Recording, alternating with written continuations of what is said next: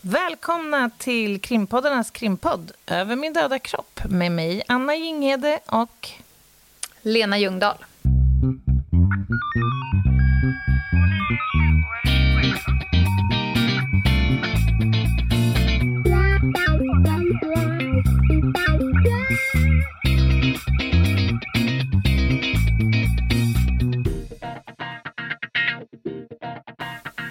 Lena, vi går in nu. Yes. Vi kör sista avsnittet i samarbete med Polismyndigheten. För den här gången, Ja. kan vi kanske Ja, säga. kan vi Man säga. vet ju inte. Nej. De kanske tycker att vi har gjort ett bra jobb. Ja, det har varit en väldigt Ja. rolig tid måste jag säga. Ja, det har faktiskt varit. Ja, och vi hoppas ju nu att vi ska kunna få inleda ett nytt roligt samarbete. Kanske med någon Mm. annan då. Har du någon dröm? Har jag någon dröm? Alltså, nej. Ja, nu menade jag som ett sponsorsamarbete. Ja, jag förstår. Jag förstår. Ehm, med tanke på hur mycket tekniskt materiell och prylar som går åt just nu i min tillvaro så Ja. skulle det inte vara helt fel med valfri elektronikkedja. Åh, fy fan vad tråkigt. Ja. Nej, det vore ju grymt bra. Ja. Annars så är ju det här med glasögon lite våran grej. Mm. Där är jag med. Det skulle välkomnas också. Mm. Ja, vi får se. Du, eh, vi har ju varit eh, runt högt och lågt i våra samarbete med Polismyndigheten. Och det här sista avsnittet nu ska vi tillägna en ganska allvarsam sak. Mm. Nämligen... Som vi avslutade eh, förra avsnittet med, med rikspolischef Anders Thornberg. Mm. Det här var ju en av de sakerna som han eh, spontant själv tog upp, Mm. Som, vilket gladde oss. ja, som ett prioriterat eh, område för polisen att arbeta med. Och vi pratar ju om våld i nära relationer. Mm. Eh, och det här är som sagt, det är, ett, det är ett svårt ämne och det är ett tungt ämne, men vi måste prata om det. Mm. Vi kan inte ducka. Nej, Alla måste inte. prata om det här ämnet. Då skulle ju Ja, tillvaron se mycket bättre ut för alla de här stackars människorna som utsätts varje dag. sa inte han att han hade skrivit en debattartikel tillsammans med Mats Löving Jo, om det här precis. och fått exakt noll Mm. samtal från journalister? Det är häpnadsväckande. Men skriver han en artikel om typ skjutning eller gängkriminalitet Mm. då gör han inget annat än att sitta i morgonsoffer eh, efteråt. Bara den kunskapen Mm. gör mig så fruktansvärt provocerad över detta strukturella ointresse Ja. för att folk slås ihjäl. Ja, och det, det vidrigaste på något sätt tycker jag också är att den, de här signalerna, eller icke-signalerna, tyder ju på att det här våldet får sanktioneras. Alltså, det, det blir liksom... Den tystnaden gör ju att det bara får fortgå. Ingen liksom reagerar med... Eller ingen, jo. Men det finns människor som reagerar. Men det är ett fenomen som tillåts bara fortgå. År ut och år in. Det är ju inget nytt fenomen. Nej. Det här har pågått i alla tider. I Ja. mer eller mindre utsträckning. Mm. Vi pratar ju om ett folkhälsoproblem. Vi vet ju inte ens hur stort och omfattande det här fenomenet är. Men om man tittar på internationell forskning så pratar man om att kanske 35 procent av världens kvinnor i vuxen ålder eller över 15 år har utsatts för fysiskt eller sexuellt våld av en före detta partner eller en nuvarande partner. Och Det är liknande... så sjukt deppigt. Informa- eller, hela grejen är så fruktansvärt deppig. Ja, men den är ju det. Den är ju det. Och totalt sett så är det ju inte kvinnor som utsätts för det mesta våldet eller utövar det mesta våldet, utan det är ju faktiskt män. Men tittar man på det våld som kvinnor utsätts för så är det ju i huvudsak i sånt våld som sker inom en eh, pågående eller en avslutad relation. Mm. Ja, det är deppigt. Det farligaste en kvinna kan göra är väl att lämna en man, typ. Ja, Mm. det är ju oerhört farligt. I alla fall en våldsam man, ska sägas. Jo, jo.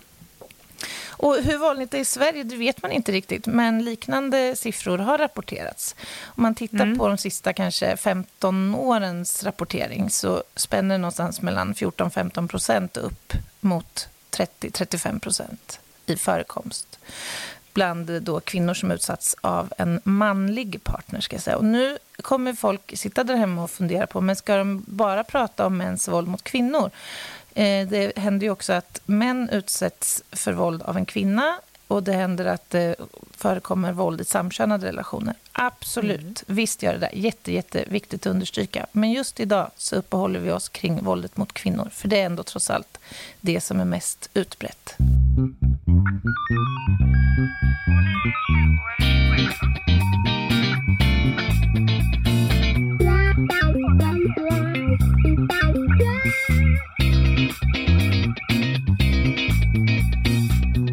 Så vi pratar om att det är ett folkhälsoproblem och det beror ju på att det är så många som utsätts och så många som lider av det här. Som utsätts för våld som ger skador på kort och lång sikt. Som dör av våldet. Som har barn som växer upp i de här miljöerna och som också själva löper enormt stor risk att utveckla ohälsa eller i vuxen ålder ett eget våldsamt beteende mot en partner.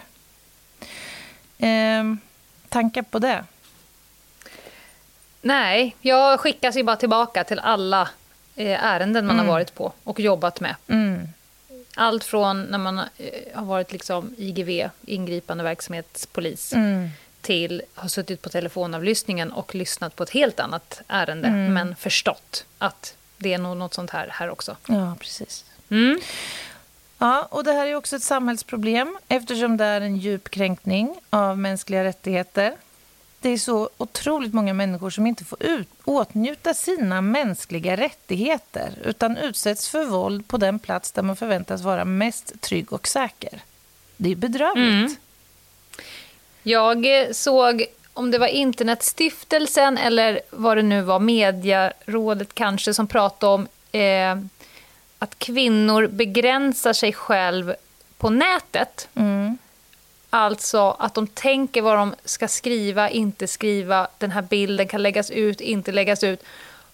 Uh, och då lägger man en, en, liksom en till nivå på det för att man gör det i någon form av, man gör helt enkelt en risk och konsekvensanalys av mm. sin egen mm. feeling och åsikt. Alltså kan det här drabba mig rent mm. fysiskt, hotfullt och så vidare. Och då sa man att det är en, en ren eh, demokratisk fråga. Ja, för att det är så väldigt många diskussioner som pågår på nätet. Det är mm. liksom ett helt eget ett rum där man då ska ha tillträde till, men där man begränsar sig i risk för att eh, bli hotad eller utsatt för våld eller sexuellt våld oh, eller ofredande. Det är riktigt illa. Riktigt, ja. riktigt illa. Det finns ju ekonomiska perspektiv på det här som också gör att det såklart är ett samhällsproblem. Man vet ju inte, alltså det är jättesvårt att räkna på hur mycket det här våldet kostar samhället varje år. Men det finns rapporter, eh, eller kalkyler ska jag säga, som sträcker sig upp mot 40-45 miljarder kronor. Och då mm. har man ju svårligen kunnat räkna med allt det lidande som också förekommer. Men förstår du mm. vilken enorm kostnad och vilken vinst det skulle bli för vårt samhälle? Inte bara för den enskilda individen utan för den totala samhällsapparaten om vi skulle lyckas lite bättre mm. med de här fallen än vad vi gör. Och i alla de här fallen så tänker jag också att det är såna enorma ringar på vattnet. Mm. Alltså det är inte bara en person som är drabbad. Nej, nej, nej, nej. Precis. Och det tycker jag är jätteviktigt ja. det du säger. För att vi vet att ungefär 10 procent kanske av, av eh, Sveriges barn har någon gång upplevt våld mellan föräldrar eller mm. vårdnadshavare i sin hemmamiljö. Vi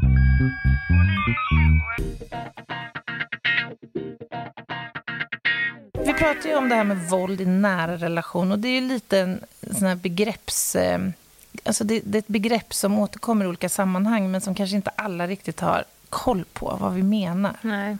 Jag tror att de flesta tänker på den relation som finns mellan en make och en maka eller två makar eller, mm. eh, eller mellan eh, no, två personer som tidigare har levt i någon form av parrelation. Men det, faktum är att när man pratar om nära relation så är det alla sådana relationer som bygger på närhet och eh, förtroendefullhet. Så mm. även våld mot en, eh, en gammal människa, till exempel, en farmor eller en farfar av en närstående, eh, handlar om den, den här typen av våld. Mm. Så att egentligen så, så innefattar begreppet alla nära och förtroendefulla relationer. Det kan också vara mellan en person som är, har någon, något slags behov av en annan person för sin omsorg eller för sin... Lite beroendeställning. Ja, exakt. Mm. Och sen för att krångla till det lite extra så pratar man om brott i nära relation. Och det är också ett, det är ett samlingsnamn för de brott som då kan bli aktuella inom de här våldsamma relationerna. Och vad kan det vara för brott? Ja, det kan vara fysiska brott, misshandel. Mm. Det kan vara fridskränkningar.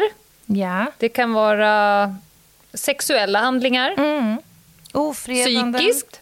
Hot. Ja. ja. Så alla de brott som kan bli aktuella brukar ju då sammanfattas i begreppet brott i nära relationer.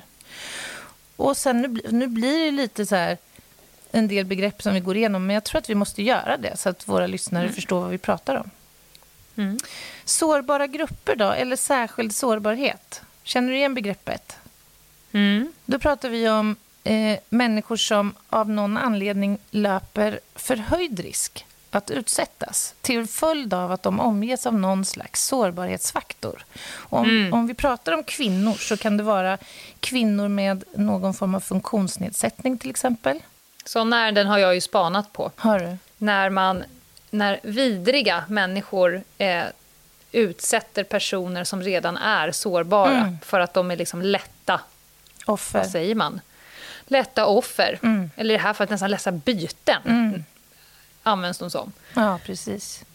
Det gör ja, men... ju att man nästan vill jobba dygnet runt helt gratis. Ja, men faktiskt. Ja. Kvinnor i mm. missbruk en annan mm. sårbar grupp som inte sällan utsätts för eh, både fysiskt och sexuellt våld och, som, och där liksom ett, själva drogen och beroendet av drogen blir en kvarhållande faktor i en våldsam relation. Och där till och med kvinnor ibland tvingas använda sin kropp för mm. drogens skull. Liksom. Och ehm. egentligen alla personer som har en extremt bristande social kontext Mm. Där det inte finns något skyddsnät. Det finns ingen Exakt. person att gå till eller som kan liksom fiska upp det här mm. man brukar det som prata pågår. Om, exakt, man brukar även prata om kvinnor i minoritetsgrupper eller som mm. nyligen har anlänt till Sverige. För vad mm. handlar sårbarheten om då? Jo, men det är ju de här faktorerna som antingen försvårar att försvara sig för våldet, mot våldet mm. eller försvårar att söka hjälp själv för det man utsätts för. Och om vi tar mm. sist, det sistnämnda exemplet med eh, att om man då nyligen har anlänt till Sverige så kan det till exempel handla om att man inte ens förstår att det man utsätts för enligt svensk lag faktiskt är straffbart och förbjudet. Man har kanske ingen aning om var man ska vända sig och man kanske inte behärskar språket. Och då blir det en faktor som ökar risken för mm. att man ska utsättas värre för våldet. Och man vet inte vad som eventuellt skulle hända om jag anmäler eller vill Precis. ha hjälp. Exakt. Mm. Även barn brukar ju räknas bara per definition som sårbara eftersom barn är ju fysiskt och psykiskt mer utsatta. Ett, ett litet, väldigt litet barn eh, tolererar ju överhuvudtaget en väldigt låg grad av våld för att kunna skadas ganska illa. Eh, och hur yttrar sig våldet då? Ja, men det är ju Alltså jag skulle säga, och du, du, delar säkert min uppfattning Lena, efter att ha jobbat som polis i ett antal år och ha jobbat i den rättsmedicinska verksamheten i ett antal år, så vågar jag påstå att det är bara fantasin som sätter gränser för hur man kan tillfoga varandra skada och våld. Du har ju eh, läst upp, liksom anonymiserat har du läst upp vissa eh, handlingar mm. som, du, som ingår i din forskning. Mm. Precis. Och där har du ju, det är ju verkligen allt mm. jävligt man kan tänka sig att man kan utsätta en person för, det görs. Ja, det görs. Och, och, det här tror jag är det första hindret som människor måste komma över och förstå. Vi som jobbar inom liksom rättsvårdande verksamheter, vi förstår, för vi har sett det här mm. och vi ser det eh, upprepat liksom, om och om, om igen. Men människor som inte gör det har många gånger extremt svårt att förstå hur och att man kan utsätta någon man egentligen älskar och tycker om för så brutala saker. Jag har ju mm. träffat väldigt mycket vårdpersonal till exempel. Och de förfasas ju liksom över bilder jag visar och det jag beskriver om hur mm. man utsätter varandra för våld. Så jag skulle säga att fantasin sätter gränser. Men för att exemplifiera så kan man väl säga att fysiskt våld det kan utövas med slag och sparkar, nypas, dra i hår, knuffas, slå med tillhyggen, bränna med bestick, bränna med strykjärn. You name it. Mm.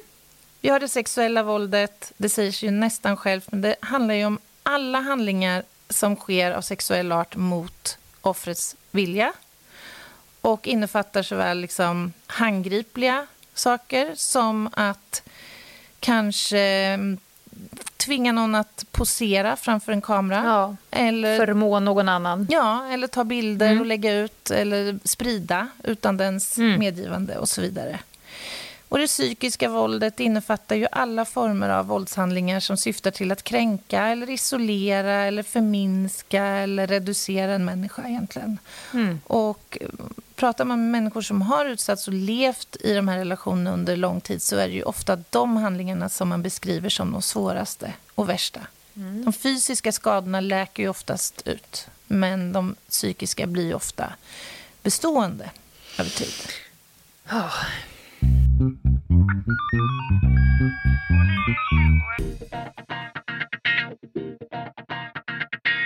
Man kan ju verkligen fundera på varför det här överhuvudtaget sker. Och du var ju lite inne på det här inledningsvis när du pratade om strukture eh, strukturella förklaringsmodeller. Mm. Alltså när vi pratar våldet mellan vuxna och i eh, heterosexuella relationer, parrelationer så skulle det då handla om... Alltså den, den gängse förklaringsmodellen är liksom att män är överordnade kvinnor. Eh, ja. Och att den här maktobalansen främjar eh, våldet. Och att den här maktobalansen också finns i alla delar av liksom, samhället. Men det finns andra förklaringsmodeller också. Och då, då är man nere, då måste man fundera lite grann på det här med riskfaktorer till exempel där missbruk är en, arbetslöshet är en, att ha växt upp själv med våld som barn är en annan. Eh, mm. Psykisk ohälsa, en annan sån förklaringsmodell. Och jag tror ju att man måste se på det här på eh, liksom ett, som det kallas, ekologiskt Holistiskt. Sätt. Ja, ett ja. holistiskt sätt. Alltså att det är ju sällan en enskild faktor faktiskt kan förklara det här. Men vi vet ju att det, även om vi har kommit ganska långt i Sverige och i vår del av världen i jämställdhetsfrågor så är det ju de facto inte jämställt mellan könen. Nej. Nej. Och det, här, det, påverkas, nej men alltså, det här påverkas ju på så himla många plan. Så när ni ser diskussioner som ni kanske själva inte kan relatera till. Mm. Gud, denna kamp som jag inte kan relatera till överhuvudtaget. Hemma hos mig så gör vi så här. Det är liksom bara en del mm. i en mm. jätte jättestor strukturell grej som är samma eh, symptom som att rikspolischefen inte får en enda fråga när han skriver en debattartikel om det här. Det är liksom ja. ett, det är ett, eh, vad säger man, ett symptom på samma mm. sjukdom i mm. samhället. Eh, det är inte intressant. Och som han sa, eh, det heter grov organiserad brottslighet när folk håller på och skjuter ihjäl varandra. Men om jag slår ihjäl eh, någon i mitt hem eller nästintill eller har begränsat en person så pass att personen knappt har en egen tanke kvar, mm. då heter det våld i nära mm. relation. Ja. Så som att det inte var något grovt. Nej, precis. Och det handläggs ja. ju inte som grova brott heller om det inte är fråga om mord. Ja, eller ja, det finns ju ett brott som heter grov kvinnofridskränkning. Mm. Men då är det ju en hel knippe med grejer som ska in i den buketten mm. innan det blir det. Ja, men exakt. Mm. Och sen tänkte jag bara helt kort nämna när det här våldet utövas. Då. Ja, det, det kan ju ske när som helst egentligen. Ofta så sker det hemma, i hemmamiljö, i offrets hemmamiljö. Mm. Men inte alltid. Mm. Det kan ske även utanför och på gator och torg och alla möjliga platser naturligtvis. Den grupp mm. som, som löper störst risk att eh, drabbas av eh, sjukhuskrävande skador, eller sjukvårdskrävande mm. skador, det är ofta unga kvinnor mellan 25 och 45 och det här är ju en grupp som ofta har barn. Och de utsätts ju då mm. också per definition också för våldet. Mm. Bara genom att ha vistats i samma miljö. De behöver inte ha sett våldet. Det räcker att det finns barn i samma miljö som på något sätt har upplevt det. Och barnen blir ju ofta en kvarhållande faktor, ett, ett hinder för den här kvinnan att mm. göra ett uppbrott. Eftersom man är orolig att barnet ska ta skada eller att man inte ska få med sig barnen. Eller att barnen kommer användas direkt som ett kvarhållande medel, att man utsätter barnet för våld. Jag kan säga faktiskt, Anna, när jag kom hem nu, jag skyndade mig hem mm. för att vi skulle göra det här. Mm. Så jag springer in i mitt trapphus. Mitt i trappan sitter det en liten pojke. Nej. Sitter i trappan. Oj. Du vet ju hur du och jag tänker. Ja. Det är bara tvärnit. Titta ja. på pojken. Mår han bra? Ja. Ser ut som att det har hänt någonting. Och jag känner, jag kan ju absolut inte gå förbi en sån situation Nej. och tänka, äh, det är nog bra. Det mm. händer inte med, eller liksom, det har ingenting med mig att göra. Så jag bara, hej hej, du vet, för jag känner inte igen honom. Mm. Hej hej, mår du? Vad, liksom, vad sitter du här för? Och så vidare. Mm. Och då sken han upp som en sol och sa så här, nej men min mamma och pappa håller på att förbereda en överraskning till mig där inne så jag ska vänta här i tre sekunder. I tre timmar jag bara, du skulle säga. Ja, nej. Så då vart jag bara så här, okej, okay, nej men vad roligt mm. liksom. Men, men eh, du vet ju, det kickar igång någonting igen direkt. Mm. Ja. Och tänk om Barn det... sitter i trapphus, mm. ser moloken ut. Och tänk om det kunde göra det hos fler. Vad bra ja. det vore. Ja. Det är ju inte så läskigt att prata Nej, med andra inte människor. minsta. Men för många Nej. är det ett stort hinder, helt enkelt. Mm.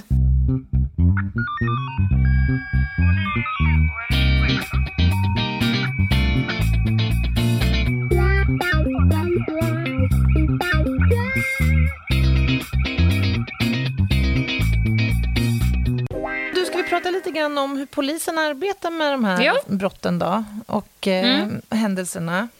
Vi var ju lite inne på det. Du nämnde ju det så himla klokt, tycker jag. Det här med fenomenet med debattartikeln och att, eh, hur man betraktar de här brotten. Jag, jag skulle vilja säga ja. att det har faktiskt ändå hänt ganska mycket inom svensk polis och synen och eh, sättet man förhåller sig till dem. Och jag tror att det kommer också framöver hända mycket, mycket mer som är bra. Alltså jag kan ju, jag kan ju stryka under, eller vad ska jag säga, jag kan ju fylla i och fylla mm. på med mina egna erfarenheter. Jag har ju många gånger upplevt en stor frustration över att jag känner att de här brotten inte utreds lika slagkraftigt mm. som många andra. Så jag har suttit på morgonen på utsättning jag får höra att under helgen så är det en kvinna som har utsatts för våld i nära relationer. Med, hon har avtransporterats med okända skador, fått sjukvård, maken eller en partner har gripits. Men det är ingenting som, som ska undersökas Nej. kriminaltekniskt. Det, det, blir liksom ingenting mer. Nej. Och samtidigt så har det varit inbrott och... någonstans. Eh, och man har tillgripit verktyg, kan vi säga. Och dit ska ja. man åka för att göra en spår. Det är fullt ställ. Och bara nomenklaturen där, jag reagerar bara, de säger exakt så, eller inte längre kanske, det är ju bättre. Men i helgen har en kvinna blivit utsatt för uh, våldtäkt eller någonting. Mm. Istället för att bara säga, i helgen har en man utsatt en kvinna för mm. våldtäkt. Mm. Det är som att, att det bara försvinner mm. i, i mm jag kan vara en sån där som bara, ursäkta mig, ska vi bara försöka mm. vända på det här? Ja, och förhålla oss till saken ja. för vad den är, liksom, på mm. något vis. För det är ju ett jädra självbedrägeri, det där. Ja. Eh. Jag, jag, märker för sig en stor skillnad eh, från när jag gick på, på Polishögskolan. Mm. Det är 20 år sedan i år. Eh, och när jag själv var lärare på Polishögskolan. För där, då höll jag i de här eh, lektionerna, man övar ju man mm. övar ju som patrull på att gå in i en lägenhet.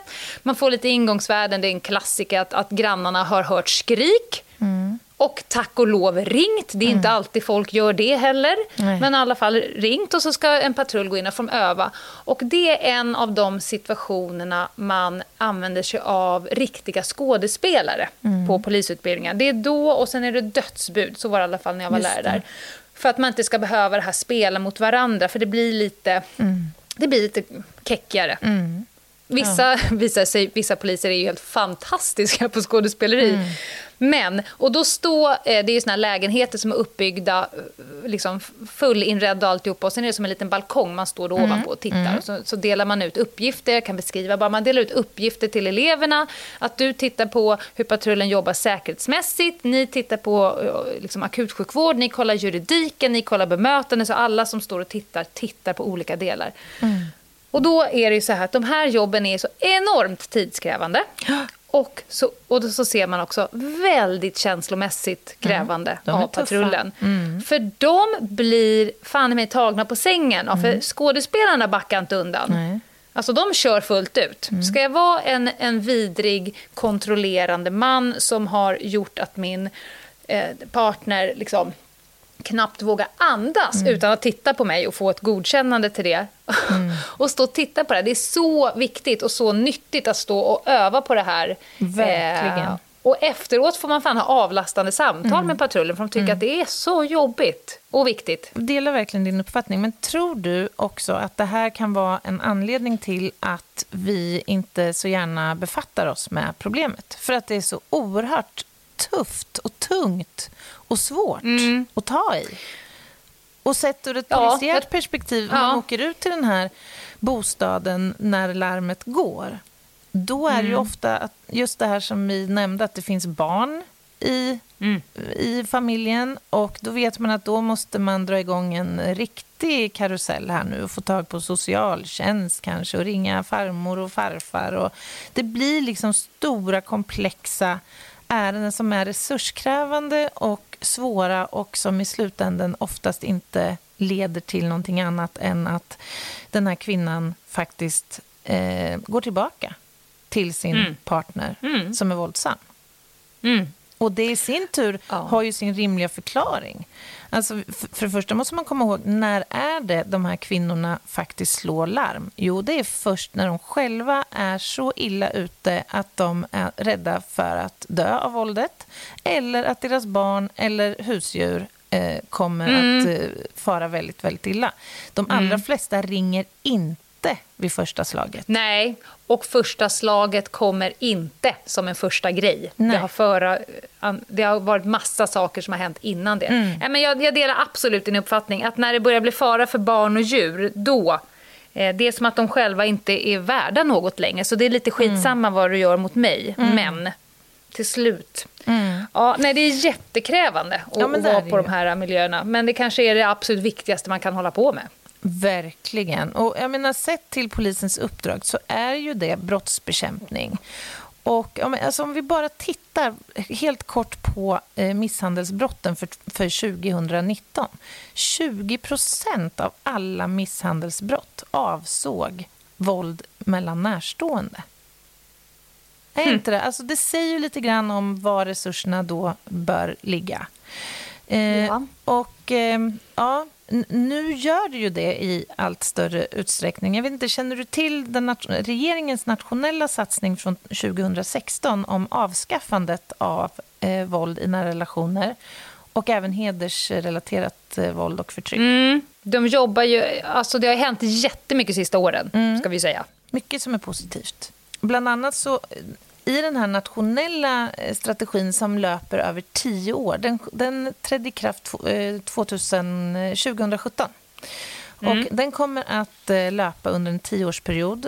Och under, liksom, inom ramen för, för det här arbetet så har ju då upprättats ett antal delmål där, där polisen har en väldigt, väldigt viktig roll i det här arbetet. Så mm. Polismyndigheten och en massa andra myndigheter och frivilliga organisationer och så där har ju nu liksom tvingats leverera helt enkelt. Och också gjort det i stor utsträckning. Ja. Så att eh, vi kan ju verkligen eh, hoppas att, att, det, att vi kommer se stora effekter av det. Trots att det är så många som ändå brott som anmäls, och då ska man ändå komma ihåg att det är enorma mörkertal här. Det kanske är så stora mörkertal som att 80% av fallen inte anmäls. Det finns såna siffror, ännu mer när det gäller sexualbrott. Ja, det har jag tänkt på. När man, kom, när man väl kommer till lägenheten på grund av att en granne har ringt eller kanske någon person i lägenheten har ringt och man börjar nysta i det här, då är ju det jag vet inte hur många eh, tillfällen innan som den här personen skulle ha ringt. Exakt. Det är ju inte första gången. Nej, det, precis. Det är ju verkligen sällan så.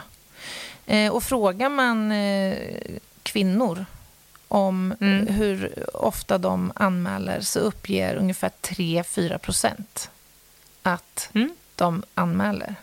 Så att det är ju väldigt, väldigt få som anmäler trots att anmälningsfrekvensen ökar. Det är ju lite paradoxalt. Så att, ja, och varför är det så viktigt då att man anmäler så att det här kommer polisen till kännedom?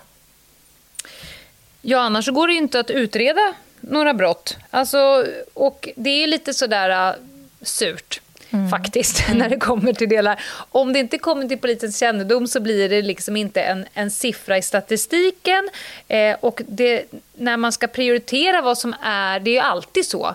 Vad ska det läggas pengar på, vad är egentligen ett problem? Så måste ju det finnas, det måste ju finnas en kännedom om att det är ett problem. Mm. Även om man förstår det. Mm. Eh, men, och polisen, det ska ju inledas en förundersökning, det ska kunna utredas brottet och den personen som är gärningsperson ska ju lagföras för brottet. Mm. Det kommer ju aldrig ske annars. Mm. Dessutom så tror jag inte att kanske alla tänker på att polisen, när det här nystas upp, går ju in i en stödjande, stöttande, hjälpande del också. Det är mm. enormt många timmar som ägnas åt Alltså går man till en lägenhet, man, visst man skriver anmälan, man håller förhör, det grips och så vidare. Men sen är det också ringa.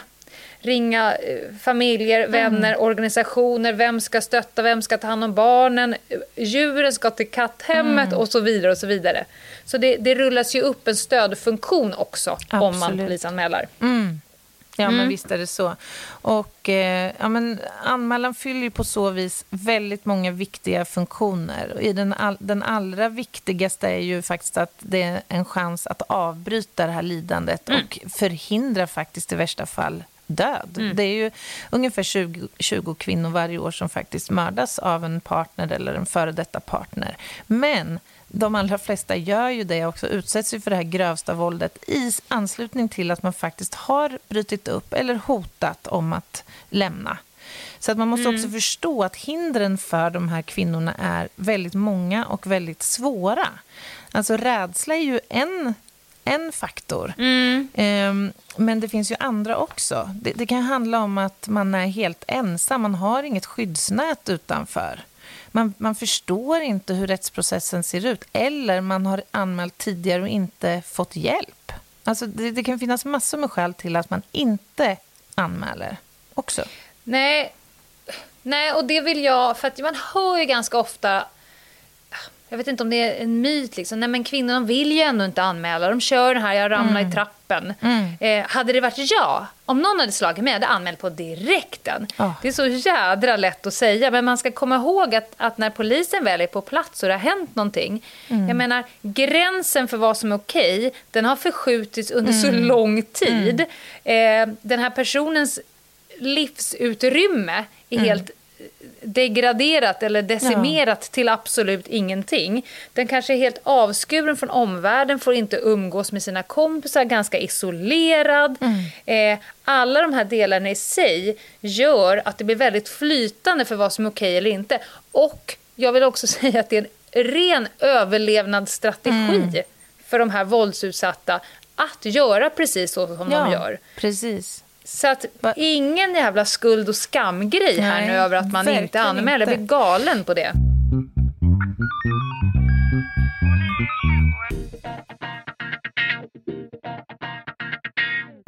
Jag har ju nästan, jag, jag, skulle ju vilja se på det precis tvärtom faktiskt. Att en utgångspunkt ska vara att de här kvinnorna och männen som också utsätts inte kommer vilja medverka. För att Nej. det finns så mycket stöd för att det är så. Och förståelse. Mm. Det borde finnas förståelse mm. för att det är så. Och därför så mm. tycker jag att samhället ska lyfta den bördan från de här människorna. Får, mm. får man till en anmälan, det här är brott som lyder under allmänt åtal. Ja. Så om det väl finns en anmälan, då ska utgångspunkten vara att då ska rättsapparaten tillgodose att bevis säkras, att liksom de här mm. långtgående förstahandsåtgärderna genomförs, att man bygger upp målet helt mm. utan hjälpen från målsägande i den ja. mån det är möjligt. Du sa allmänt åtal. Du kanske ska beskriva vad det är så att folk förstår. Ja, men det är sådana brott som inte då en målsägare själv behöver ange till åtal. Exakt. Mm. Mm. Så att det är egentligen, en polis kan ju sätta pappret i maskinen och skriva en anmälan oavsett vad målsägaren säger. Precis.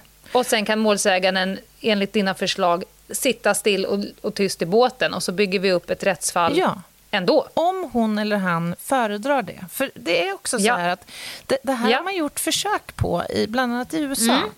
I flera stater så har man drivit så kallade målsägandefria förundersökningar. Så då har man Mm. satt en tidsrymd, ofta på 48 timmar eller vad det är, där man ska ha säkrat så mycket bevisning att fallet ska vara åtalbart. Och man har gjort det, om, om målsägaren inte har velat medverka så har utgångspunkten varit att man ska klappa ihop den här förundersökningen utan hens hjälp. Och i de fall man har gjort det här så har man lyckats öka uppklaringsprocenten med flera hundra procent under de här eh, tidsperioden man har testat. Så det verkar ju vara ett sätt som, som fungerar om man liksom ger sig tusan på att jobba utifrån den strategin. Att liksom ta ansvaret själv för att bygga upp målet så ökar ju också chansen. Men det, men det ställer också krav. Det här är resurskrävande ärenden. Man vet att framgångsfaktorerna är ju att det, att det finns ett vittne som har observerat saker, vilket det sällan gör. Att den som misstänks erkänner, vilket sällan händer. Och sen är det då solid bevisning. Och vad är det? Jo, kriminalteknisk bevisning såsom skadedokumentation, omständigheter från platsen, eh, journaldokumentation, alltså att parterna läkarundersöks och man eh, sammanställer fynd från kroppen. Eh, ja, och sånt som kan säkras på platsen. Tillhyggen, kläder, sängkläder och så vidare. och Så vidare.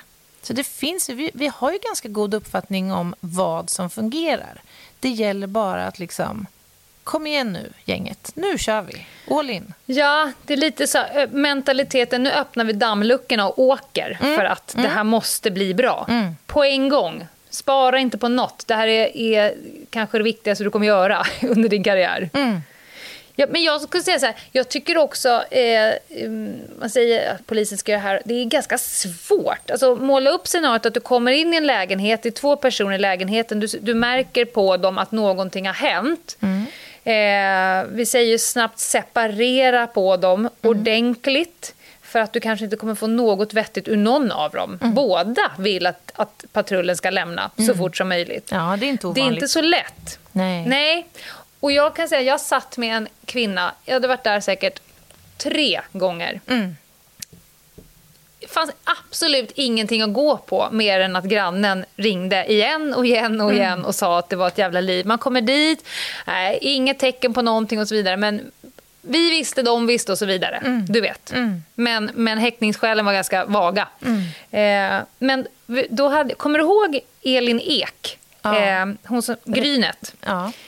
Ja. jag hade mitt anteckningsblock som jag hade i benfickan. Det var från Grynet. Det stod ta ingen skit Ja. på framsidan på mitt anteckningsblock.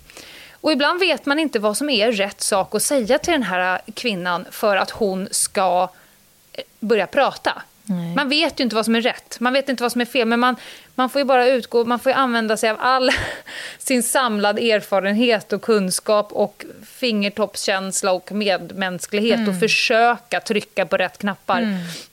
Men då hade jag det blocket som jag satt och skrev i och då, och då samlades vi liksom runt blocket, hon och jag. Och det här tar ju skit. Så det slutade med att jag faktiskt tog blocket, rev ut, för hela blocket var fullt med ja, regnummer från gårdagens pass och så vidare. Så jag bara rev ut allting som... Och... Nej, nej, det var mer ett jobblock. Så jag rev ut allting som skulle ner i sekretesstuggen och så fick hon blocket. Eh, så sa men skriv och sen så kommer jag imorgon igen, typ på fikarasten. Skriv, skriv, skriv, skriv, skriv. Eh, och sen så sågs vi inte dagen efter, men hon ringde mig. Eh, och då hade hon i hela blocket skrivit tusen miljoner gånger. Ta ingen skit, ta ingen skit, ta ingen skit, ta ingenting. Så. Och sen anmälde hon och sen så kom liksom hela storyn. Ja, men det är fantastiskt. Så jag skulle säga Ja, så att- också bara rent flax. Men, Ja. men jag skulle bara säga att det är väldigt svårt att veta vad som är rätt, men att inte ge upp Ja. är nog rätt. Och vara lite mer, göra lite mer än vad som förväntas av dig kanske. Mm. Och jag skulle säga så här att egentligen så kan man inte göra något fel. Jo, ett fel som man kan göra det är att skuldbelägga liksom den här som har Ja. utsatts, människan som har utsatts. Eh, Det är ett kardinalfel som, som sker och som kan ske. Eh, men bortsett från det så För det gör de själva, gott nog. Ja, precis. Att mm. man skulle på något sätt förtjäna att utsättas för det här våldet. Ja, exakt. Jag provocerar. Och... Jag, ja. Men faktum är ju att bara genom att signalera att man tar det här våldet på allvar, att man lyssnar mm. på den här berättelsen, eh, mm. skickar ju en signal om att ett, våld är något som vi inte kan tolerera och acceptera. Man, man sänder för det första en väldigt viktig mm. signal om det. Och två, det är ju så här att även om den här människan, i det här fallet kvinnan, inte vill eh, bryta upp eller fullfölja i en eh, förundersökning eller en utredning eh, så har det skickat en signal även till henne om att det finns stöd att få. Den mm. här gången var jag inte där. Jag vågade inte, jag klarade inte, men jag kanske gör det nästa gång. Mm. Lite så. Mm. Ja, och också signalera att jag står pall. Mm. Det jobbar jag ju en hel del med jag har såna avlastande samtal. Mm. Det, här, det är tungt, mm. men, men ut med det, för jag står pall. Mm. Så jag kommer stå kvar. Mm. Jag kommer inte ducka, jag kommer inte backa, jag kommer inte bli skrämd, jag kommer inte bli arg, jag kommer inte bli ledsen, utan jag står pall. Mm. Eh, så när du är redo så, så åker vi.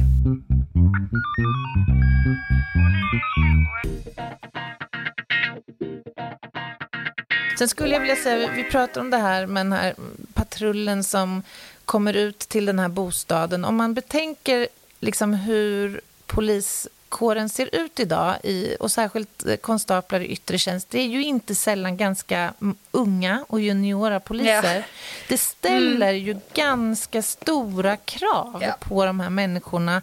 Jag menar, om inte våra mest drivna förundersökningsledare eh, har kunskapen som krävs för att vi ska bli mm. mer framgångsrika, då är det ju ett ganska stort krav att ställa även på poliser i yttre tjänst. Och därför är det ju mm. så oerhört viktigt att man får eh, blir, alltså att man blir fulladdad med eh, kunskap och utbildningsinsatser under mm. polisutbildningen. Och bara ha med sig, vi, vi brukar säga här normaliseringsprocessen, mm. om man inte vet om vad det är och vad det gör, och det var lite det jag var inne på förut, det här med att gränserna har förskjutits, att livsutrymmet har begränsat, att, att personen kanske är isolerad. Att man anpassar sig till tillvaron alltså? Så att ja. det till slut nästan blir en normal företeelse med våld? Mm.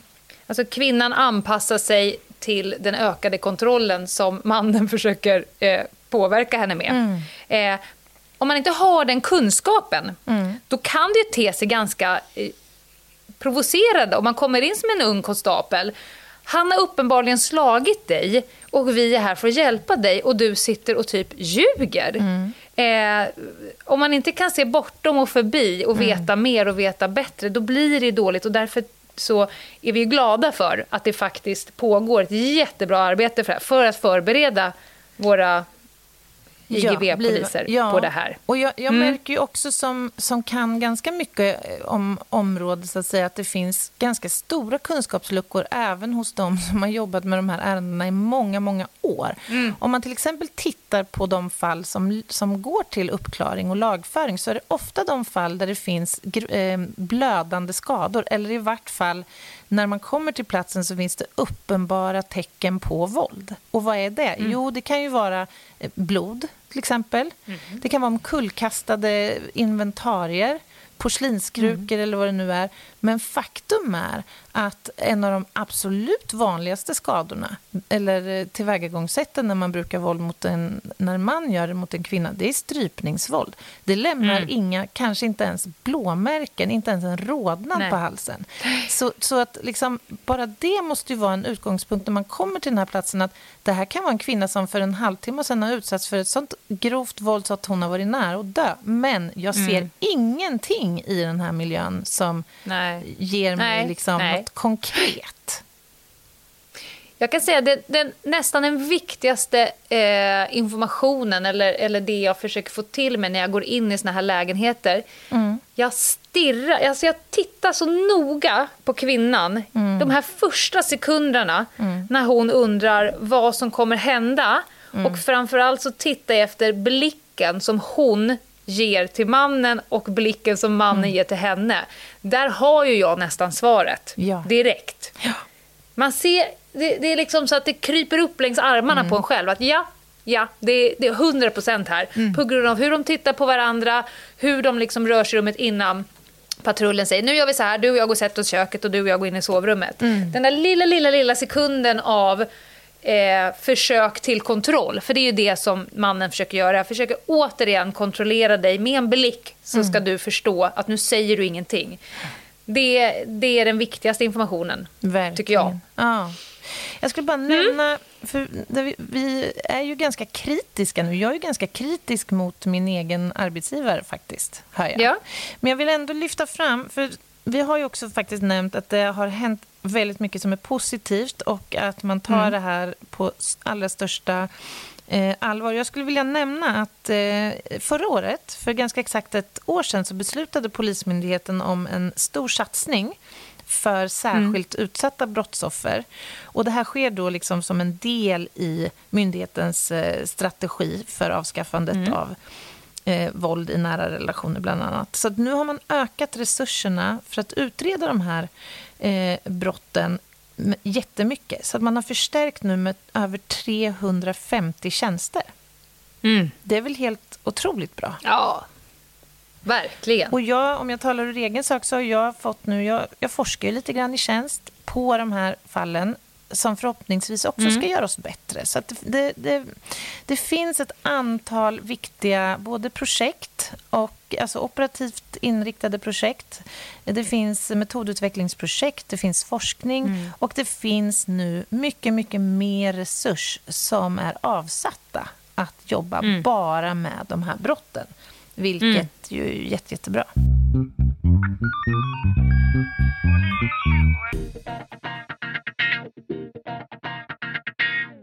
Många som lyssnar på podden jobbar ju varken i rättsväsendet eller med våldsutsatta människor. Men Nej. eftersom det här pågår ju överallt, i alla miljöer, i alla typer av eh, sammanhang. Så Samhällsklasser. Ja, och i alla samhällsklasser. Vi har ju också ett medmänskligt ansvar. Mm. Och, och jag vet att du har det, jag har det, många har det, men det är väldigt få som vågar agera på den där Ja. magkänslan ju. Jag kan säga, jag satt på bussen här länge sedan, men vi hade haft en övning i eh, så här, splitta upp passiva demonstrationer. Du vet, som man slagit knut på sig själv. När man ska försöka få bort personer som inte på något sätt är aggressiva, men de sitter ihop väldigt, väldigt hårt. Ja. Och då skulle jag vara figurant, så att jag är också en ganska envis person. Så att jag och en kollega, vi hängde ihop som två blodiglar. eh, och någon har försökt liksom dra loss oss därifrån för att beslutet var att de ska bort helt enkelt. Eh, så att jag hade ett sånt fruktansvärt blåmärke på min högerarm. Fick absolut bara skylla mig själv. Men det var liksom fyra fingrar på framsidan av armen och en tumme på baksidan. Man kunde se pärlband. grepp Ja, och jag får väldigt, väldigt lätt blåmärken. Och då satt jag på bussen, eh, skulle åka ut till Gröna Lund. Och då sitter jag på bussen eh, och sen så precis när eh, jag ska gå av, då kommer det fram en kvinna till mig och så lägger hon handen på min axel och sen så tar hon av sina solglasögon och så tittar hon på mig så jävla djupt, rakt in i själen. Och så säger hon bara, du borde anmäla honom. Ja. Då kände jag bara så här, åh, Ja. om du bara visste. Men också så himla fint. ja, verkligen. Då funkar ju liksom på något sätt systemet egentligen. Så tänker jag. Jag, menar, jag. Jag har ju pratat väldigt mycket ute i olika verksamheter om eh, barn som far illa. Eh, och då får Ja. En vanlig fråga är, så här, och det, det är ju direkt överförbart även om man ska anmäla när en vuxen utsätts för våld. Mm. Ja, men så här, tänk om jag har fel? Tänk om det inte är någonting? Tänk om det inte var någonting? Och då tänker jag så här, roll. vad bra i så fall om det inte är Ja. någonting. Det är ju först då systemet fungerar. Ja. När det blir Men fler gud, anmälningar. hur många sådana jobb har man inte varit på? Ja. När det ringer någon granne bara, det är sånt jädra skrik. Mm. Och man åker dit, man kanske sätter på blåljusen, åker dit, springer upp och står och du vet, drar upp brevinkast eller lyssnar på det var ett jävla liv här inne. Här bankar på dörren typ för att man vill avbryta den brottsliga handlingen. Mm. Ut kommer två personer med knullrufs, eh, röda kinder och bara eh, va? Och Och man känner ju på, man ser ju på dirr, apropå den här blicken, och bara vi backar ur. Ja, Hörrni ni, ni skulle behöva bara lite, pitcha ner lite grann. Lite, lite grann. Ja. Och det är ingen fara skedd. Nej. Hej! Och, och då blev ju de så här, oj, ja, ja, oj men det var ju snällt av grannarna ifall det skulle vara någonting. Verkligen. Ja, exakt. Ja. Exakt. Och detsamma gäller ju när man går till vården, om man får frågan Mm. där. Eh, Alla havande kvinnor får frågan till exempel. Eh, inom vissa vårdverksamheter så, så ställer man frågan på rutin, alltid. Bland annat Ja. inom psykiatrin och inom mödravården Ja. och sådär. Och det finns eh, studier på det som visar att kvinnor eh, uppskattar att få frågan. Ja. Även om de inte utsätts så vittnar det ju om att det finns en omsorg Jättebra. och, och återigen ett signalvärde om att vi Mm. tar det här på Verkligen. allvar och vi, eftersom Mm. vi inte accepterar att någon ska utsättas för våld så kommer Nej. vi att ställa frågan till våra patienter. Och det finns ju liksom några få tillfällen där alla eh, kvinnor faktiskt kommer under eh, omsorgens vingar. Och det är ju mödravården en av dem. Mm. Ja. Det är ju social kontroll där den är som finast.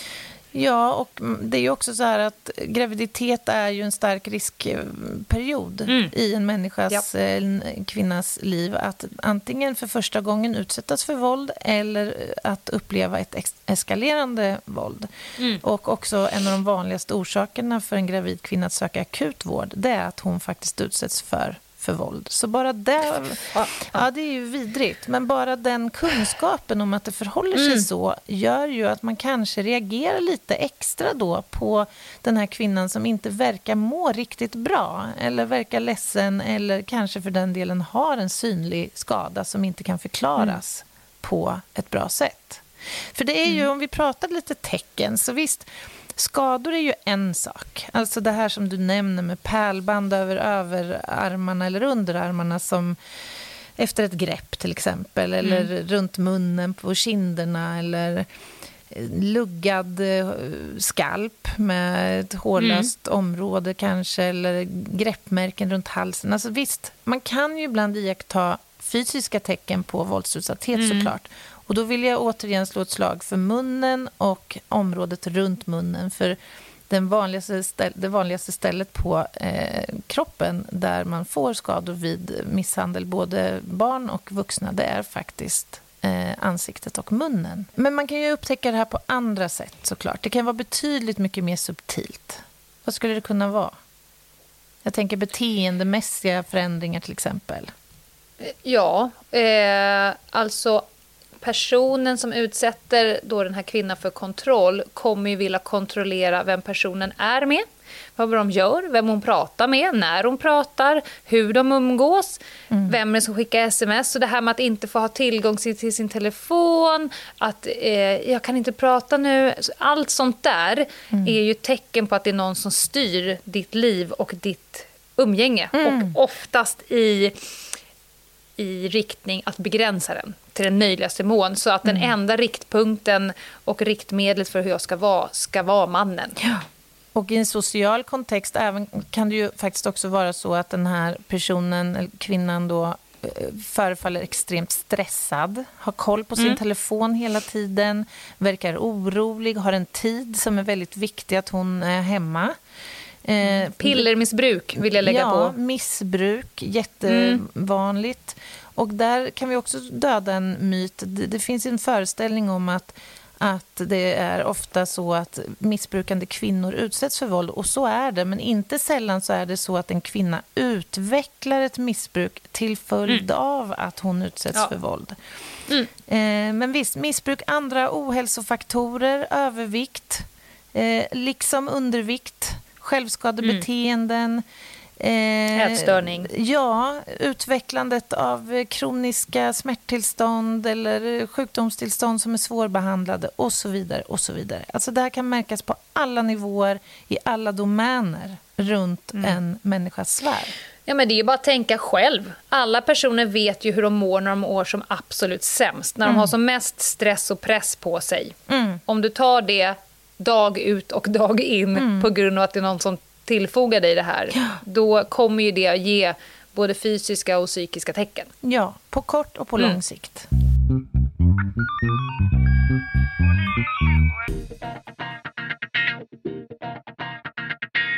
Vi var ju inne lite grann på den här satsningen som polisen har gjort nu för särskilt utsatta brottsoffer. Och Ja. jag tycker vi ska prata lite grann om den här otroligt viktiga och braiga informationskampanjen. Kom till Yes, den rullar ju nu Ja. rejält. Har jag sett i i polisens sociala medier. Mm. Var kan man se den och läsa om den någonstans? Den här Kom till oss. Den, jag var inne och tittade på deras eh, på hemsidan, polisen.se kom till oss. Mm. Jag måste säga att jag blev imponerad. Ja, du sa det. Vad kul. Ja, men alltså, jag tyckte att det var någon som har tänkt till här nu. För det första, det första som händer på sidan är att det är en stor ruta där det står tryck här om du behöver lämna hemsidan direkt. Så man då testade jag, klickar man på den då var det ju skjuts tillbaka till Google. Nästa information var, så här gör du för att dölja ditt besök här. Nu ska vi tänka att det här kanske då ska besökas av en kvinna som är extremt kontrollerad får inte surfa på vad hon vill, när hon vill och så vidare. Så redan där var det så här, här är någon som har tänkt till. Och det här är ju inte unikt för polisen. Det här är ju många som jobbar med de här typen av hjälpmedel kan man säga. Sen så fanns det då informationen på 18 språk. Oj, vad bra. Eh, den fanns på lättläst, där det var extremt lätt att och få ord och väldigt tydligt.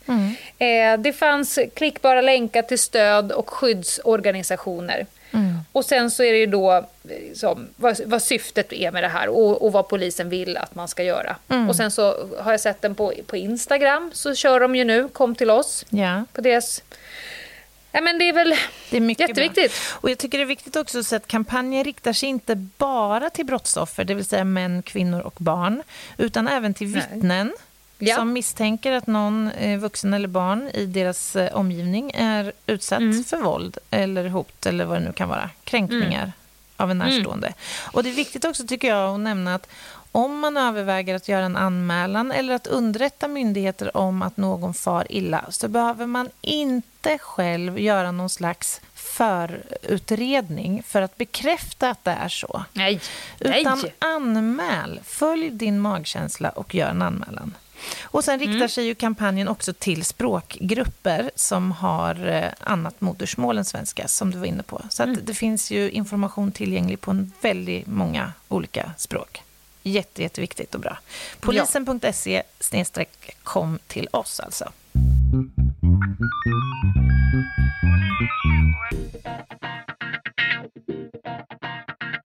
Ja, Lena.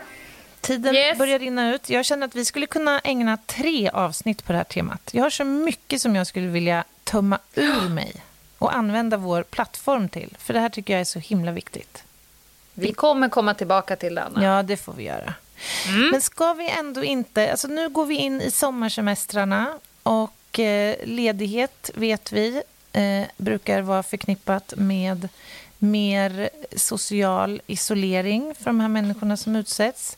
Mer alkohol konsumeras och våldet tenderar att öka. Och dessutom så lever vi ju under den här covid-eran nu som vi vet ökar Ja. risken. Mer i sig. isolerade personer och mer ekonomisk press Mm, på toppen av allt det andra. mm, precis. Yes. Jag skulle vilja att Vi öppnar öron och ögon till alla. Ja, det gör vi. Och så kanske vi ska Mm. avsluta med någon form av, jag vet inte om det blir en lista, men i, i vart fall några punkter om råd till dig som misstänker att någon i din närhet lever i en våldsrelation. Vad säger du om det? Mm. Veckans lista. Plats nummer ett. Det allra, allra viktigaste skulle jag säga för att kunna hjälpa någon eller agera till hjälp för någon, det är att man har kunskap. Du har nämnt ett bra begrepp så många gånger i podden, Lena, att kunskap är makt. Och det gäller Yes. även i det här eh, fallet, i det här avseendet. Att läsa på lite grann, försök att eh, fundera på hur du ska agera och reagera om du misstänker att någon i din omgivning utsätts. Jag tycker även att alla arbetsplatser borde prata om det här. Inte bara liksom... Ja, jag menar, människor som utsätts för våld finns ju överallt i samhället. Eh, På alla arbetsplatser. Ja, såklart. Ja, det skulle jag säga. En arbetsplats som har flera, vet jag, två anställda. Nej, men på alla arbetsplatser, lite större arbetsplatser, så finns det kvinnor som lever under våld Mm. och andra personer hemma. Precis.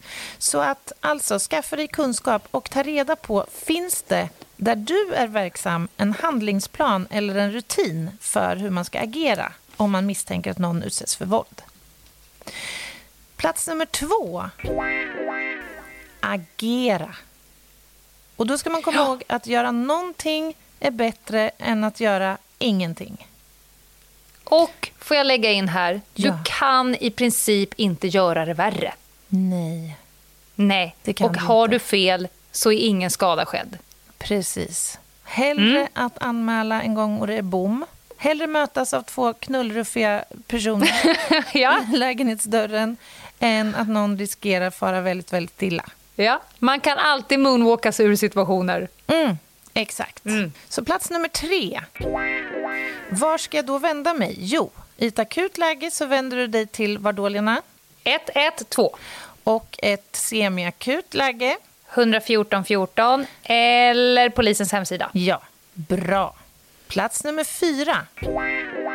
Om du misstänker att någon i din omgivning är eh, utsatt för våld här och nu, gör dig till känna. Våga vara den som har lite råg i ryggen, så att säga. Civilkurage kan vi också kalla det. Var tydlig. Ja. Gör dig till känna. Uppmärksamma part, parterna om att du ser vad som pågår och att du kommer att agera på frågan. Och framför allt, försök vara ett stöd för den som utsätts. Våga Och lita på din frågan. magkänsla. Lita på din magkänsla, säger jag. Mm, jätte, Den har väldigt ofta rätt. Ja, Mm. precis. Det där tycker jag är superviktigt. Den, det br- brukar jag också säga. Våga lita Mm. på magkänslan, den ljuger inte. Avslutningsvis, plats nummer fem. Kom ihåg att du kan göra en anmälan anonymt. Om det gäller eh, dig som är yrkesverksam och som misstänker att ett barn far illa så kan du inte göra en anmälan anonymt. Och Det beror på att det Nej. följer en uppgiftsskyldighet i ditt eh, lagstadgade krav eh, att göra en anmälan. Men en polisanmälan går bra att göra eh, anonymt och du kan också lämna tips anonymt. Mm. Det viktiga är att du meddelar och underrättar myndigheter om du har sån information som du tror kan behövas för att kunna hjälpa någon som utsätts för våld. Det var det, Lena. Tungt Bra. ämne. Ja, men det är VMA, viktigt meddelande till allmänheten. Mm. Det här är folkbildning. Jag skulle vilja hävda att vi håller på med folkbildning nu, Anna. Ja. Jag tar på mig den stora kavaschen och säger det. Det här ska alla kunna och alla göra. Mm. Oerhört Mm. viktigt. Och jag är oerhört glad över vårt samarbete som vi har haft med Polismyndigheten och att de tyckte det var så viktigt också att vi ägnade ett helt avsnitt till våld i nära relationer. Ja, det var kudos, polisen. Det var de som valde att vi skulle prata om det här. Mycket Kul. bra. Mycket bra. Mm. Ska vi flagga upp den där hemadressen? Eller hemadressen? Kom hem, kom hem. Jag kommer ha 2000 människor som står utanför min adress. Ja. Nej, ska vi flagga upp webbadressen menar jag såklart. Polisens informationskampanj Kom till oss hittar du på Ja. Polisen.se snedstreck kom till oss. Bra. Som för övrigt är ett fint namn för den Jättefint. kampanjen, skulle jag säga. Mm. Håller med. Och sen har vi en, vi har en hemadress också, Anna. Ja, det har vi. Ja. Eh, Ljungdahl och Ginghede at gmail.com. Maila oss för frågor och funderingar. Eh, eller samarbetsförfrågningar eller vad det nu kan vara. Och annars så hänger ni ju med oss på Instagram förstås. På Ljungdahl och eh, Ginghede. Och sen har vi en liten härlig diskussionsgrupp på Facebook som vi kanske ska slå ett slag för också. Där Ja. ni kan diskutera till exempel det här avsnittet. Kan sitta i smågrupper, som du brukar säga. Kan vi sitta i smågrupper? Ta en bikupa på det här. Och sen går ni in på podstore.se och köper merch. Ja, för bövelen. Grymt! Grymt! Vi hörs på måndag. Vecka. Ta hand om er där ute. Puss, puss! Bye, bye!